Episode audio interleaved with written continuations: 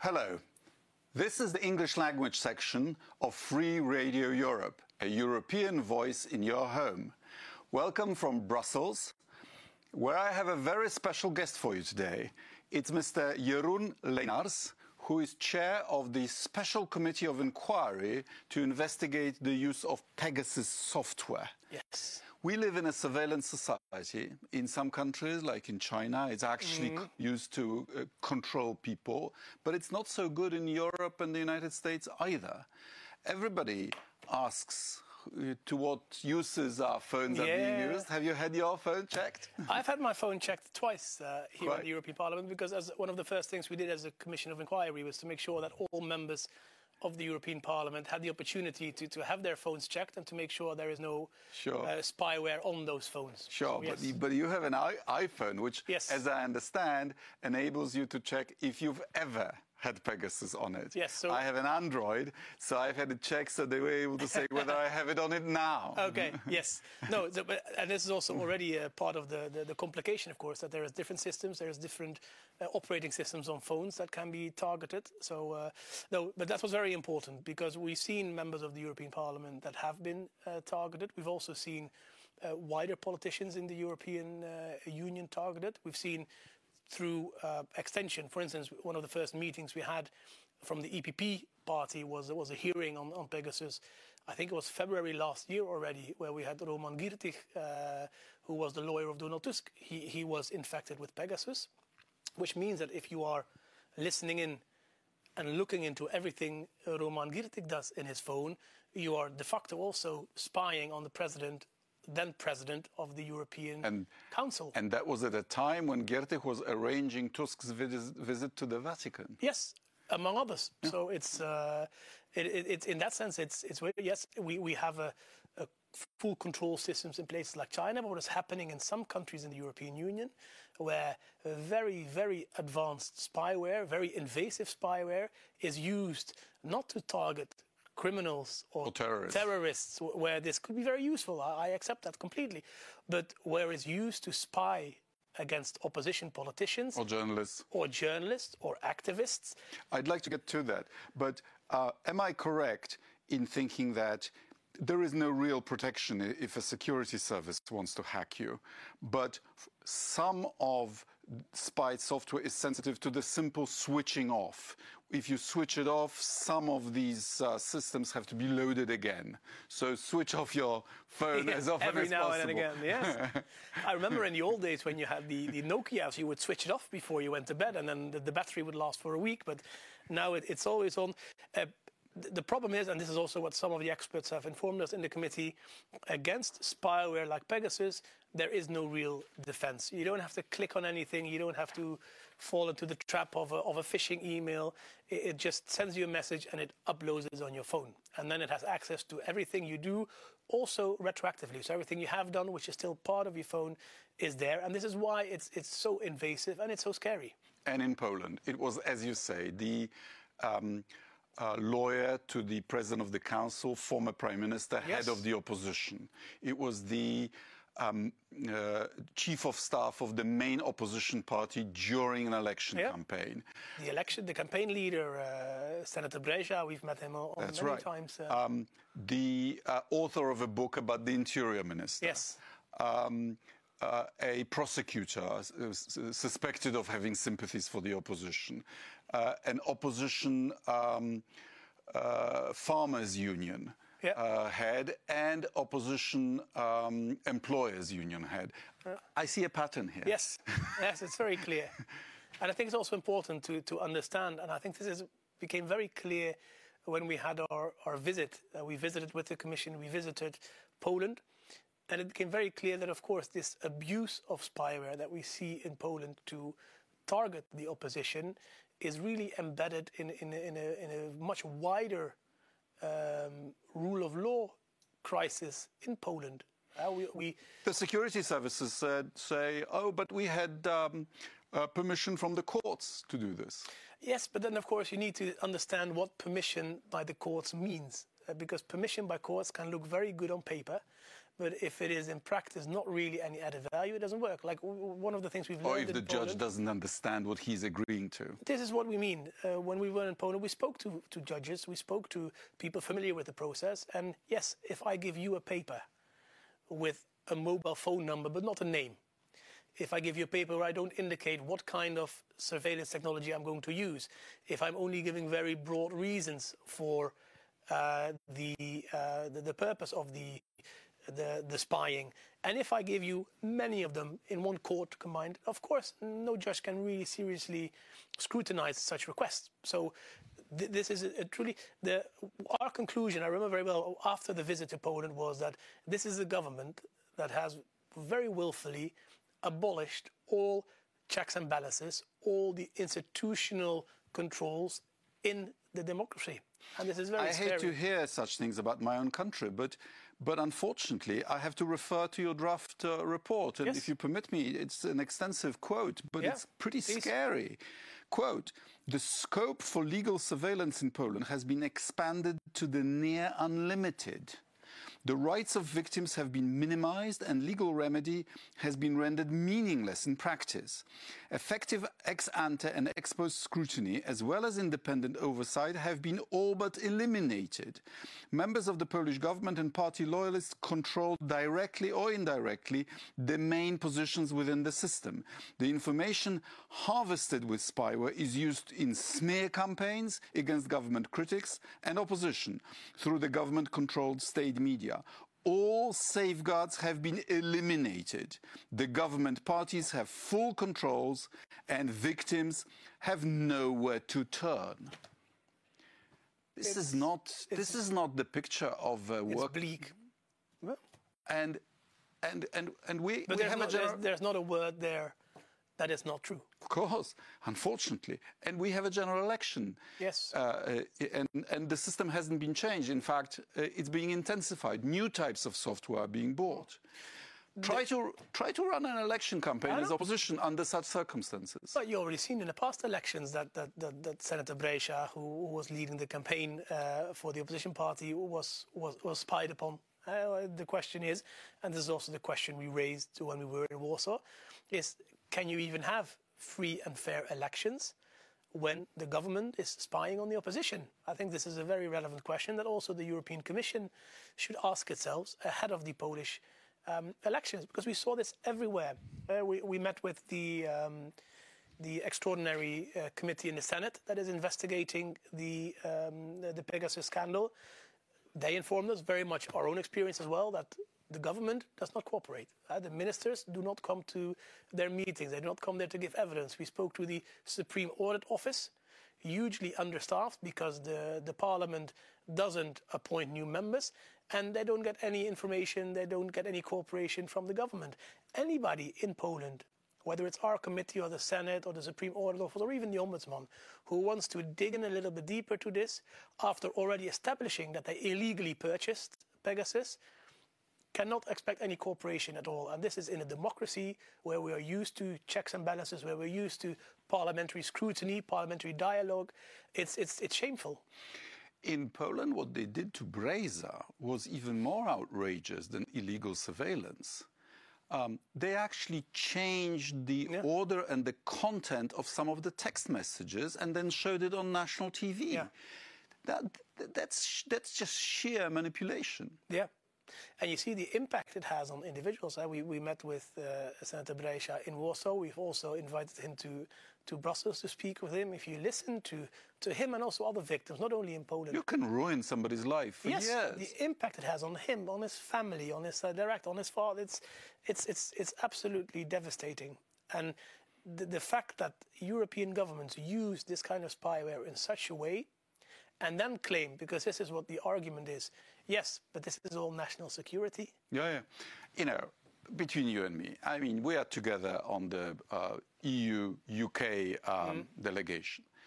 I mean, GCHQ probably listens to some phones as well.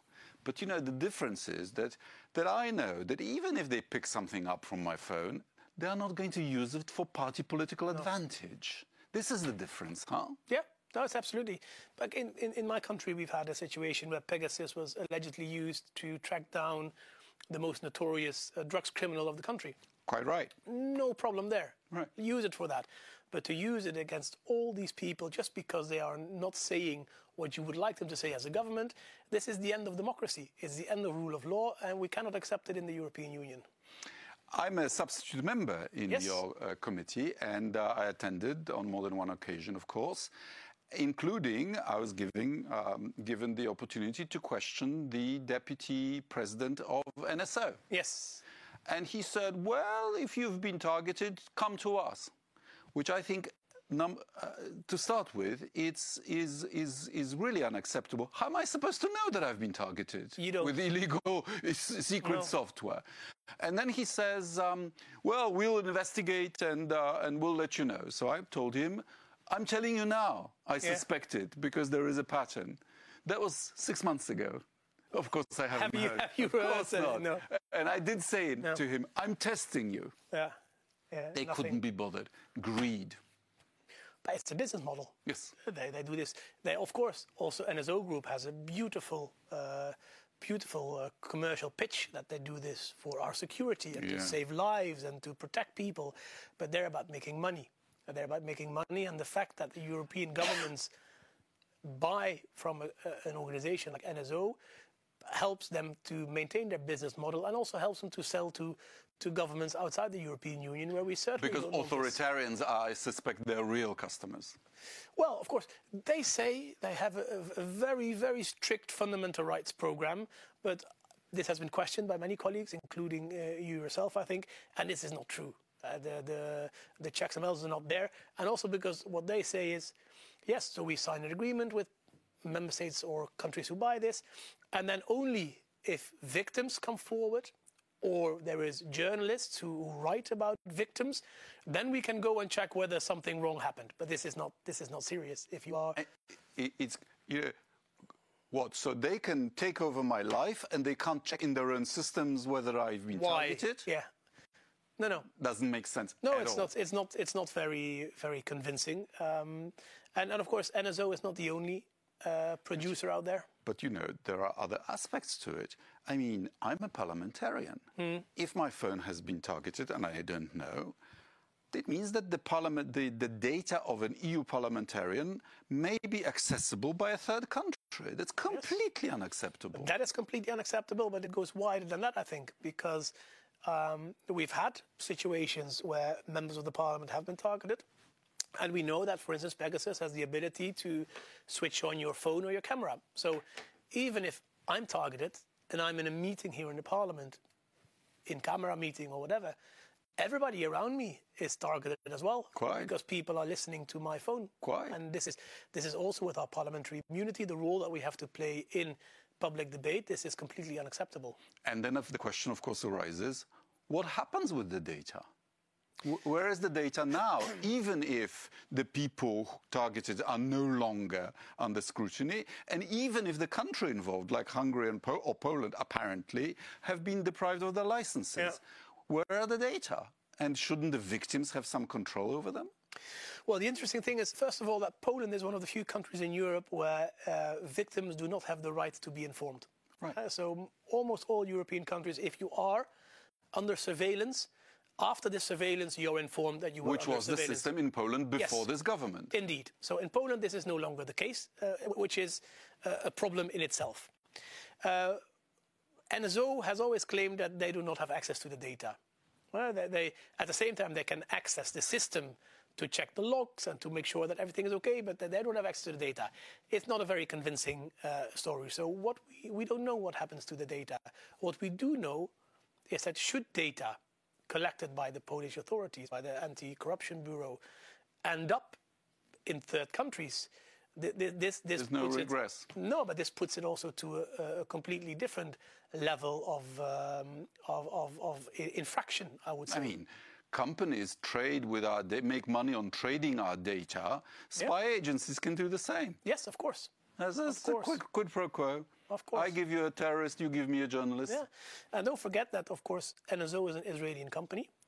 For any system that they want to export, they need the permission from the Israeli uh, government, uh, which has been allegedly also used by the Israeli government to to sort of smoothen all sorts of diplomatic situations. Yes. You're halfway in your work. What have you um, established that's, that surprised you the most, and what work is still before you? Well, I'll, I'll, I'll take the, the, the, last question first because what is in front of us? You just read a quote from the, the draft report.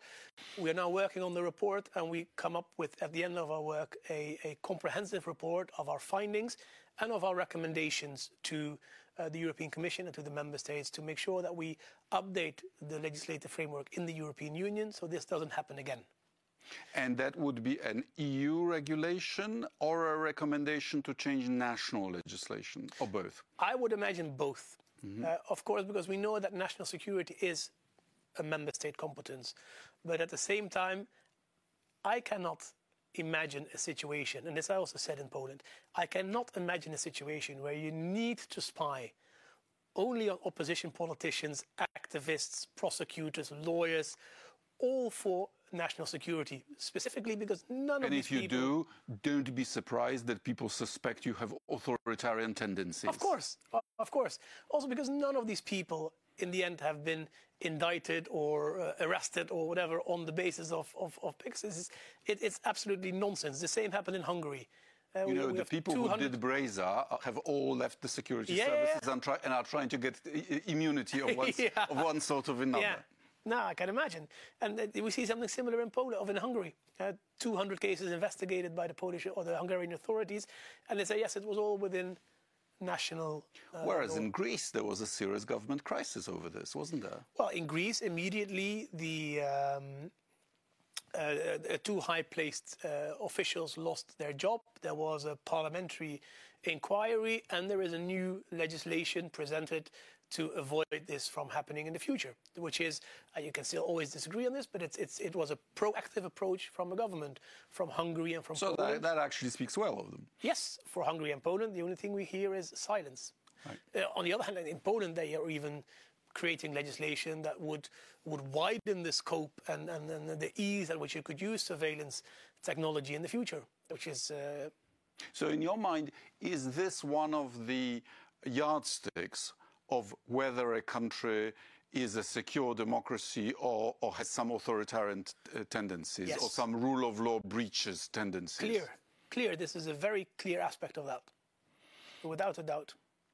Because this is a new area of activity, the law has not fully grasped all the implications, and that's why there are so many loopholes, huh? Well, the, the, main loophole is, is that we is the political we, intent. This indeed, indeed, because maybe naive, but you don't expect your government to spy on you for this. You expect a government to keep you safe, to keep the country secure, mm-hmm and to protect your rights. We still have memories of when governments, when we assumed that, that uh, yes. under communism no, no. that government would target us. But that was supposed to be the past. This, this, this was supposed to be, uh, after 1989, this was supposed to be done. And, and that this is now brought back is, uh, uh, for me, it, it, was really, really surprising. And uh, for me, the most surprising aspect was, like, like I told you already, that the, the and I can think I can speak on all on behalf of all the members that visited Poland with the PEGA committee, apart from uh, Mr. Tarczyński, perhaps, but that we we traveled there expecting a a difficult situation, but after three days in Poland, we realized that it was much worse than we thought, and that it's not only about PEGA, and it's not only about uh, disciplinary chambers but there is there is there is a, a, a very very wide and very deep there's a to- there's rule a of toxic, law crisis. There's a toxic uh, ecosystem. Yes, absolutely, and the fact that none of the ministers, none of the members of parliament from the ruling party, none of the people from the anti-corruption bureau wanted to meet with us speaks volumes for me because if you try to avoid parliamentary scrutiny, if you try to avoid dialogue with elected representatives of the European Union, then for me it means you probably have something to hide. That's very sad, but let's try to end on a more positive note. Yes. If, from what you've learned already, if you were to advise a government or a country where there still have not been uh, serious mm. bre- breaches, if there was one or two or three recommendations on how to prevent such a situation from arising, what would you advise them? I, I think the, the, the, absolute most important thing is to have independent institutions. Uh, I think this would be recommendation one, two, and three. Have independent institutions that look before permission is given for surveillance at the. In a knowledgeable way. In a knowledgeable and a proper way, properly informed, and then also have independent institutions that can monitor the surveillance and assess the uh, surveillance uh, retroactively. We've had uh, representatives of, for instance, the uh, French uh, uh, institution that does this. We had representatives of the Dutch um, independent scrutiny board in our committee to also explain how they do it in those countries. And I would advise any any member state government to look at those systems very carefully because independent checks and balances on government uh, behavior, especially in such a way, has to be there. It's, it's the absolute, absolute bare minimum. Mr. Chairman, thank you very much for your time. Good thank luck you. with your report. Thank you for the invitation. Thank you. This has been the English language section of Free Radio Europe, a European voice in your home. If you've liked it, please uh, share, uh, recommend, and uh, like the program. Thank you very much, and see you next time.